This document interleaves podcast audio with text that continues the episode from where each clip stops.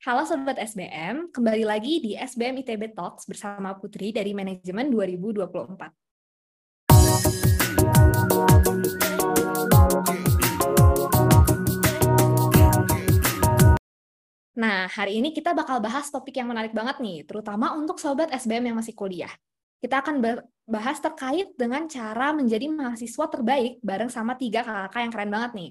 Nggak cuma lulus dengan predikat cum laude, kakak ini berhasil mendapatkan title lulusan terbaik di ITB dengan IPK 3,98 untuk periode Oktober. Langsung aja kita sambut Katiara Milania, Kak Vinka Amalia Hasta Barata, dan Kak Aleta Syahisa. Halo Kak Tiara, halo Kak Vinka, halo Kak Ale. Hai. Halo Putri. Oke, sebelumnya aku mau ucapin selamat nih untuk kakak-kakak bertiga atas kelulusannya di Wisuda Oktober 2022 kemarin. Nah, pasti Sobat SBM udah pada penasaran banget kan, kayak gimana sih ketiga orang yang berhasil lulus dengan IPK 3,98 di SBM ITB. Nah, mumpung masih fresh, aku mau tanya-tanya dulu kali ya ke Kak Vinka mungkin. Gimana sih perasaan kakak setelah lulus dengan pencapaian ini? Terus juga, untuk sampai ke titik ini kan pasti ada dukungan dari teman ataupun keluarga nih. Boleh dong Kak diceritain sedikit.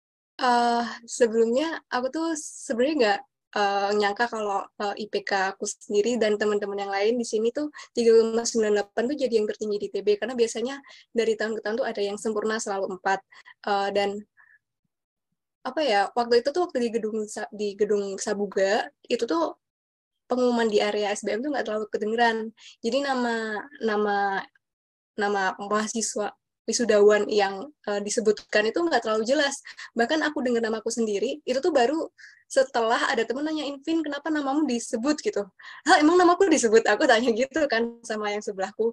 Ketik, terus aku baru lihat, ketika aku lihat chat, ada beberapa temen yang nonton streaming itu ngasih tahu kalau uh, aku tuh dan beberapa teman yang lain dari SBM tuh uh, ada yang disebutin nilainya paling tinggi uh, eh, IPK-nya. Tapi di saat itu juga aku tuh baru tahu ba ba baru tahunya tuh itu tertinggi se SBM, nggak se ITB. Bahkan aku baru tahu kalau se ITB itu setelah dikasih tahu guru SMA.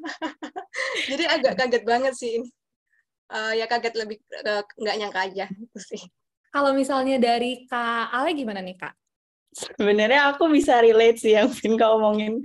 Karena kebetulan aku pun tahu misalnya IPK aku tertinggi itu dari snapgramnya Vinka juga. Uh, kalau misalnya Kak Tiara gimana nih Kak? Jadi kalau Aleta taunya dari uh, snapgramnya Vinka, aku taunya dari snapgramnya Aleta gitu. Jadi ternyata, jadi kayak Wah, taunya malah ini ya. Iya, terus uh, aku tahu juga sih dari teman aku yang depan aku, jadi aku nggak begitu kedengaran, tapi teman aku tuh yang uh, kayak, eh Tiara, nama lo dipanggil kayak gitu kan, kayak, oh iya gitu. Jadi baru tahunya sih dari snapgram sama teman kayak gitu. Oke, mungkin Sobat SBM ITB juga pada penasaran nih Kak. Uh, lulusan SBM tuh yang IPK-nya 3,98 kerjaannya tuh cuma belajar-belajar doang atau masih ada kegiatan lainnya nih kayak misalnya di luar akademik uh, organisasi atau magang gitu-gitu. Boleh dong mungkin dari Kak Ale dulu kali ya ceritain klarifikasi nih Kak. Sebenarnya pada aktif nggak sih atau belajar doang Yes, sebenarnya uh, sebenarnya aku minder sih ya dibanding Tiara sama Vinka yang memang aktif-aktif banget. Tapi uh, walaupun gitu aku juga ada sih uh, kegiatan di luar akademik. Aku sempat uh, organisasi beberapa juga, terus uh, apa event-event gitu karena memang aku basicnya uh, apa suka untuk bikin acara gitu. Jadi di luar kampus masih ada semacam uh, event organizing juga. Terus uh, sempat uh, internship juga waktu itu uh, di Resa Nusantara. Uh, paling itu sih organisasi terakhir juga di KMITB waktu itu aku jadi uh, wakil menteri di Badan Usaha Milik Kabinet. Sisanya uh, aktivitas refreshment juga ada. Gitu sih paling kalau Oh, wah, keren banget. Uh, berarti kalau misalnya kakak sempat jadi men wakil menteri tuh posisinya cukup tinggi kan ya di organisasi dan pasti time komitmennya juga lebih banyak. Kira-kira hmm. kakak pernah nggak sih ada kendala untuk nyesuaiin jadwal dan time manajemennya gitu kak? Ya untuk time manajemennya aku lebih ke uh, apa namanya uh, nge-track dulu nih misalnya sehari aku ini tuh mau ada kegiatan apa aja. Terus aku taruh di Google Calendar aku. Jadi misalnya uh, jadi nggak akan ada kayak yang semacam double meeting atau kayak gitu-gitu karena lebih ke-track. Bahkan biasanya aku juga nge-track selama seminggu biasanya atau bahkan kayak lebih itu dari uh, dua minggu. Kayak gitu sih kurang lebih untuk uh, time management dan komitmennya. Kan tadi kita udah ngobrolin tentang organisasi sama magang dari Kak Ale nih. Uh, mungkin sekarang kita bahas ke beasiswa kali ya. Aku abis kayak ngepo-ngepoin Kak Vinka gitu, terus aku lihat nih kalau misalnya Kak Vinka tuh uh, berhasil dapat dua beasiswa nih Kak. Boleh ceritain nggak Kak, kira-kira dari proses daftarnya, uh, jangan proses daftarnya deh, dari proses nyari beasiswanya itu sendiri, sampai akhirnya beasiswanya didapetin, itu kira-kira gimana sih Kak ceritanya, dan ada nggak sih dampak langsung dari beasiswa itu ke kehidupan Kakak? uh, kalau aku sendiri motivasi untuk cari beasiswa karena sebenarnya uh, untuk uh, orang tua aku tuh nggak mampu untuk membayar full UKT di uh, SBM. Jadi mau nggak mau dari awal aku harus mencari keringanan kan, keringanan untuk uh, membantu juga orang tuaku uh, membiayai uh, biaya kuliah di SBM kan. Nah mau nggak mau ya aku aktif nyari kan. Tapi satu satu tahun pertama itu sebenarnya nggak nggak dapat dapat waktu itu pernah gagal juga kok pernah gagal juga dapat beasiswa makanya uh, uh, ngebut banget kan nyari beasiswa lain. Dan alhamdulillahnya di tahun kedua itu uh, karena di ITB ada keringanan keringanan UKT dan yang lain alhamdulillahnya dapat penurunan yang lumayan besar. Itu juga termasuk kayaknya pernah juga diundang waktu itu di SBM karena dapat uh, penurunan UKT banyak. Aku lupa tapi beasiswanya apa namanya. Terus ada yang uh, beasiswa bantuan dari Bank Indonesia itu uh, dulu tuh aku aktif banget cari di uh, website kemahasiswaan ITB. Nah di situ kan banyak banget kayak uh, pengumuman informasi pendaftaran beasiswa dan lain-lain. Dan kebetulan banget itu waktu lagi uh, agak kosong agak maksudnya nggak terlalu sibuk dan ada uh, beasiswa unggulan Bank Indonesia itu dibuka. Dan akhirnya alhamdulillahnya tuh beberapa syaratnya tuh masih ada. Dulu kan aku pernah gagal beasiswa di tahun pertama. Nah syaratnya itu masih berlaku gitu loh. Kayak TOEFL gitu tuh masih belum kadaluarsa, jadi masih bisa buat daftar. Terus uh, buat motivation letter dan lain-lain, aku minta bantuan temanku yang pinter banget uh, diksinya di bahasa Inggris buat ngecek uh, dan nge-review kira-kira ini bagus nggak. Dan alhamdulillahnya uh, lolos di beasiswa itu. Dan menurut aku sih dari uh, uh, beasiswa-beasiswa yang aku dapetin selama aku kuliah di ITB, bener-bener apa ya, kayak jadi batu loncatan dan apa ya bener-bener ngeringanin pikiran juga sih sebenarnya. Kayak aku jadi bisa lebih fokus ke studiku. Jadi aku nggak mikirin aku harus uh, nyari duit nih buat bantuin orang tua gitu loh. Kayak kalau kepecah fokusnya tuh pasti nggak bisa gitu loh untuk fokus ke studi dan organisasi dan prestasi. Pokoknya nggak mungkin lah.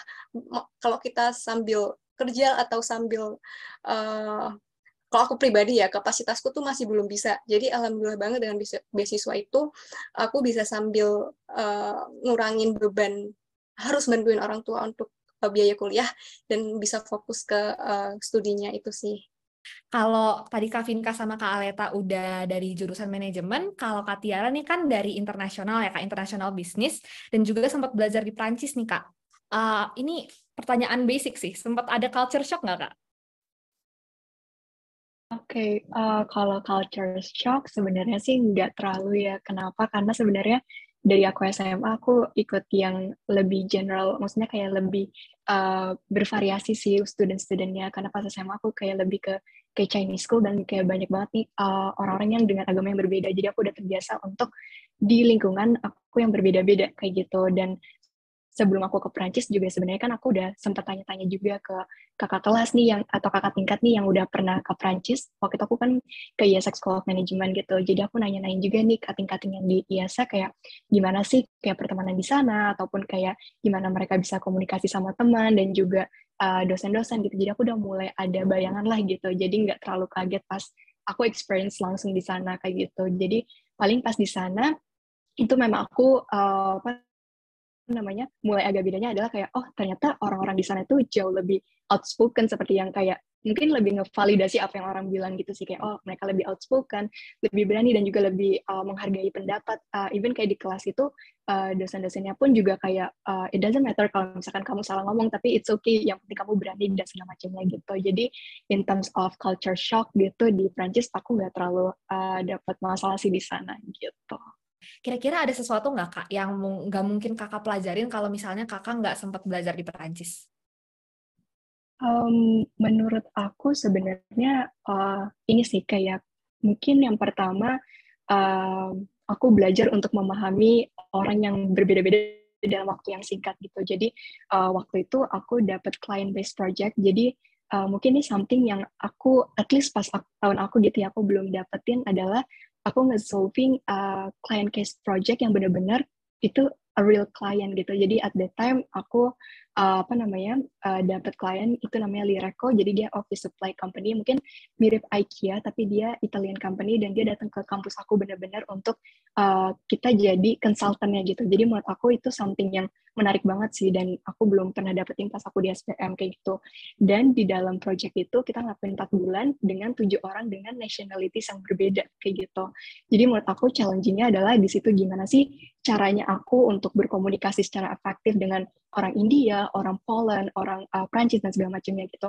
Karena uh, kayak tadi yang aku bilang sebelum aku berangkat ke Prancis kan riset dulu, oh aku ekspektasinya di Prancis kayak gimana sih gitu. Tapi kan aku sebelumnya belum punya ekspektasi gimana sih berkomunikasi dengan orang Poland, India dan segala macamnya gitu. Jadi di situ sangat diuji sih karena walaupun kayak uh, mereka juga sama-sama kerja gitu tapi kadang cara berkomunikasinya beda-beda dan itu something yang juga challenging juga dan cara mereka bekerja pun juga beda. Jadi di situ selain kita um, mungkin challengingnya di client cast project itu tapi juga gimana memahami communication dan work style kita masing-masing kayak gitu sih setelah kita bahas tadi kegiatan-kegiatan kakak yang produktif, aku mau tanya juga nih, gimana sih cara kakak bagi waktu dan prioritas dan juga untuk stay motivated supaya bisa tetap non-akademiknya aktif dan juga tetap bisa dapetin IPK, IPK yang tinggi?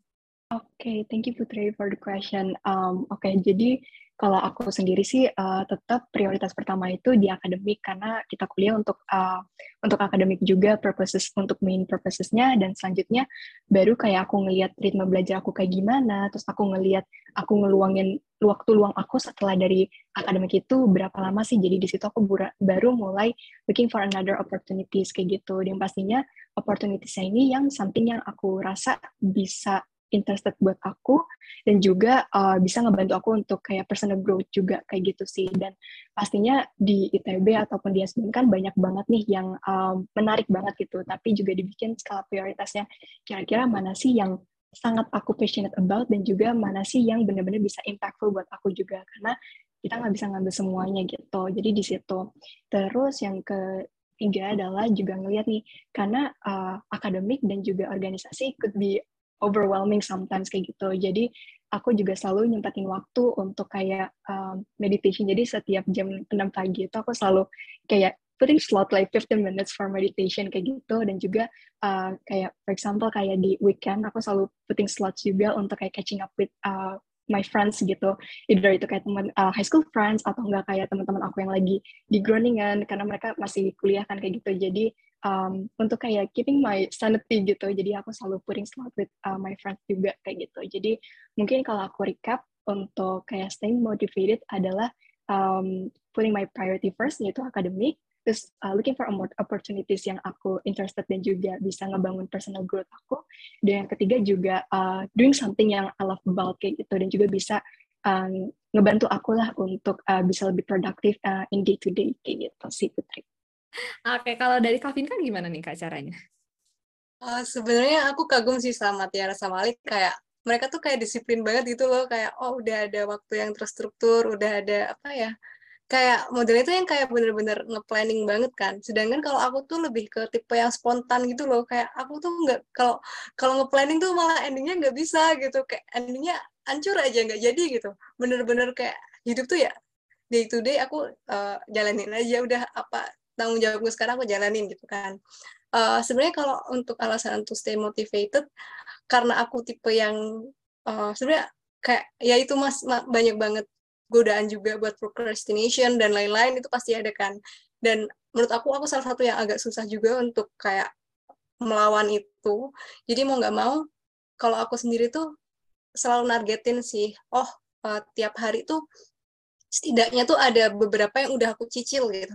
Jadi aku bukan tipe orang yang kayak uh, oh jam segini harus ngerjain ini, jam segini harus ngerjain ini, itu nggak bisa.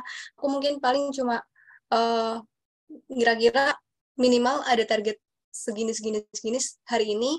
Kalau misalkan hari ini nggak bisa, tunda besok. Tapi kayak harus ada deadline yang pas gitu. Yang penting tuh prioritas pertama menurut aku kesehatan. Kalau semisalkan kalau semisalkan aku sampai sakit, tapi nilaiku bagus buat apa juga gitu. Soalnya aku udah selama di ITB aku tuh dua, udah tiga kali masuk keluar masuk rumah sakit gitu. Jadi jadi benar-benar harus uh, ngelihat lagi sehat kesehatanku gimana. Kalau misalkan nggak mampu ngelakuin tanggung jawab ini uh, ya mundur. Kalau misalkan nggak mampu jangan diambil gitu. Yang penting kalau kalau dari keluargaku sendiri selalu kesehatan. Nah yang kedua uh, orang tuaku juga uh, selalu bilang ke aku jangan sampai uh, kamu tuh kan kadang ya orang-orang tuh pengen banyak kegiatan gitu ya. Oh banyak banget kegiatan uh, aktif sana sini. Tapi kalau orang tua aku mikirnya yang penting sehat sama kalau misalkan kan banyak juga yang kayak mahasiswa pengen oh aku pengen cari tambah-tambah dan lain-lain kan tambah tambah-tambah uang gitu-gitu kan. Kayak oh ada yang magang banyak tempat ada yang kerja banyak tempat juga nah tapi kalau orang tua aku mikirnya yang penting uh, selain sehat akademik dulu baru nanti uang tuh nyusul. Kalau kamu misalkan uh, prestasi kamu udah bangun, relasi udah kamu bangun waktu kuliah, itu insya Allah kalau misalkan kamu punya kesempatan setelah lulus, ya pasti ada gitu. Kan tapi tiap orang caranya beda-beda. Tapi kalau dari aku sendiri kayak gitu. Uh, terus uh, aku mau tanya ini kali ya, untuk ke depannya rencana kakak ke depannya apa nih? Uh, apakah mau lanjut kerja dulu, mau lanjut kuliah atau gimana nih? Mungkin bisa dari Kak dulu, Kak. Oke, kalau aku sebenarnya sekarang juga lagi uh, persiapan uh, untuk uh, dunia kerja. Jadi aku kayaknya lebih ke karir dulu sih. Terus nanti ya uh, apa namanya, hopefully uh, dari perusahaan yang misalnya nanti nerima aku juga uh, ada kayak opportunity untuk uh, lanjut studi juga. Nah, bakal aku ambil juga sih. Jadi mungkin untuk saat ini aku karir sih. Untuk Kak Tiara gimana nih, Kak? Uh, kalau aku sih sebenarnya sama kayak Aleta. Sekarang lagi pingin fokus karir. Kebetulan uh, Senin aku udah mulai kantor, jadi mohon doanya semuanya semoga lancar. Uh, sama sebenarnya uh, sekarang aku juga lagi mau proses rebrand uh, startup yang aku jalanin sama teman aku, jadi hopefully juga lancar by next year. Uh, dan hopefully juga sama kayak Aleta, setelah nanti berkarir, bisa S2 juga untuk indaping um, the knowledge juga gitu. Kalau Kak Vinka gimana Kak?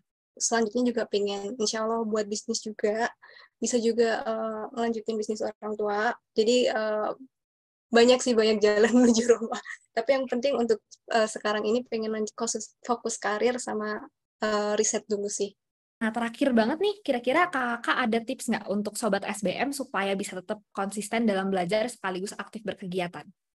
Mungkin dari Kak Tiara dulu kali ini, Kak. Yang penting sebenarnya know your capacity atau capabilities juga sih karena tadi yang kayak Vinka bilang um, mau seberapa pun kayak prestasi yang kamu dapetin tapi kalau kamu sakit tuh jadi percuma gitu jadi pertama itu.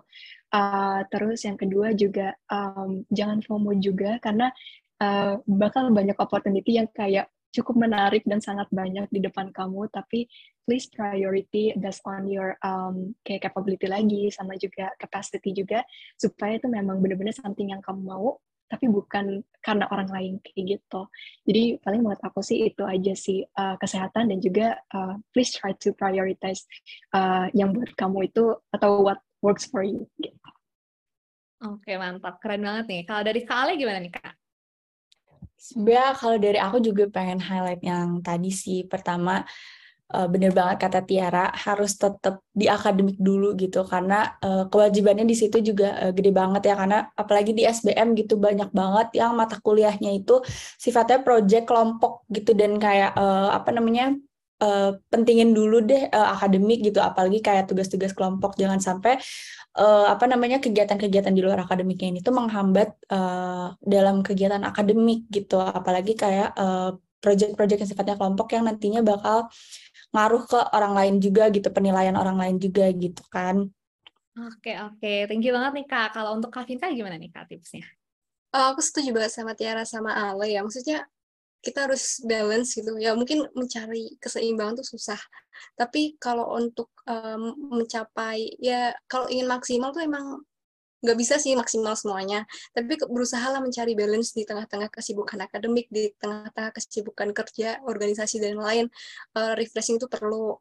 Dan salah satu prinsip yang aku pegang banget tuh, the trick is not to mind, maksudnya nggak usah mikirin hal yang nggak bisa kita kontrol gitu. Kadang kan uh, or, uh, anak-anak tuh apalagi mahasiswa tuh sering overthinking tentang beberapa hal kan. Padahal tuh kita tuh hanya perlu untuk mikirin hal yang matters ke kita dan yang bisa kita kontrol gitu. Kalau misalkan uh, kita nggak bisa kontrol, nggak usah dipikirin-pikirin banget, jadi nggak usah banyak-banyak apa ya. Kadang belajar cuek itu juga perlu gitu, walaupun jangan terlalu cuek sama uh, kayak kayak apa ya perkembangan zaman dan lain-lain atau uh, perkembangan ilmu teknologi dan lain-lain itu ya maksudnya yang penting tuh yang nggak bisa kita kontrol nggak usah dipikirin gitu. Misalkan oh ada masalah ini atau mikirin aduh nilaiku kok jelek banget atau oh temanku kok nilainya bagus-bagus tapi nilaiku jelek. Ya kan yang masalah kan bukan nilai bukan nilai teman-teman kamu tapi kan bagaimana kamu bisa kontrol uh, hasil dari prestasi dan kerja keras kamu sendiri gitu loh. Jadi benar-benar menurut aku eh, nggak uh, usah mikirin hal yang nggak penting dan nggak bisa kita kontrol itu bagus apa ya kayak membuatku tetap waras di ITB gitu. Ya, bener-bener itu sih. Terus belajar bekerja cerdas. Jadi kayak kalau menurut aku sih smart work sama hard work tuh ya menang banget smart work working smart tuh bener-bener harus dipelajari gimana uh, nemu pola belajar yang benar-benar pas sama uh, diri kita sendiri. Karena tiap orang beda-beda ada yang tiap hari harus nyicil belajar ada yang tipenya uh, di di apa ya ditumpuk di akhir pekan belajarnya. Ada yang mungkin um, begadang di hari hujan juga ada kan. Nggak ada yang nggak ada yang tahu. Semuanya tuh punya cara belajar masing-masing. Dan ca cari tahu cara belajar yang paling efisien dan efektif buat diri kita sendiri itu uh, bakal apa ya elevate hasil yang uh, mungkin kita ingin dapatkan gitu.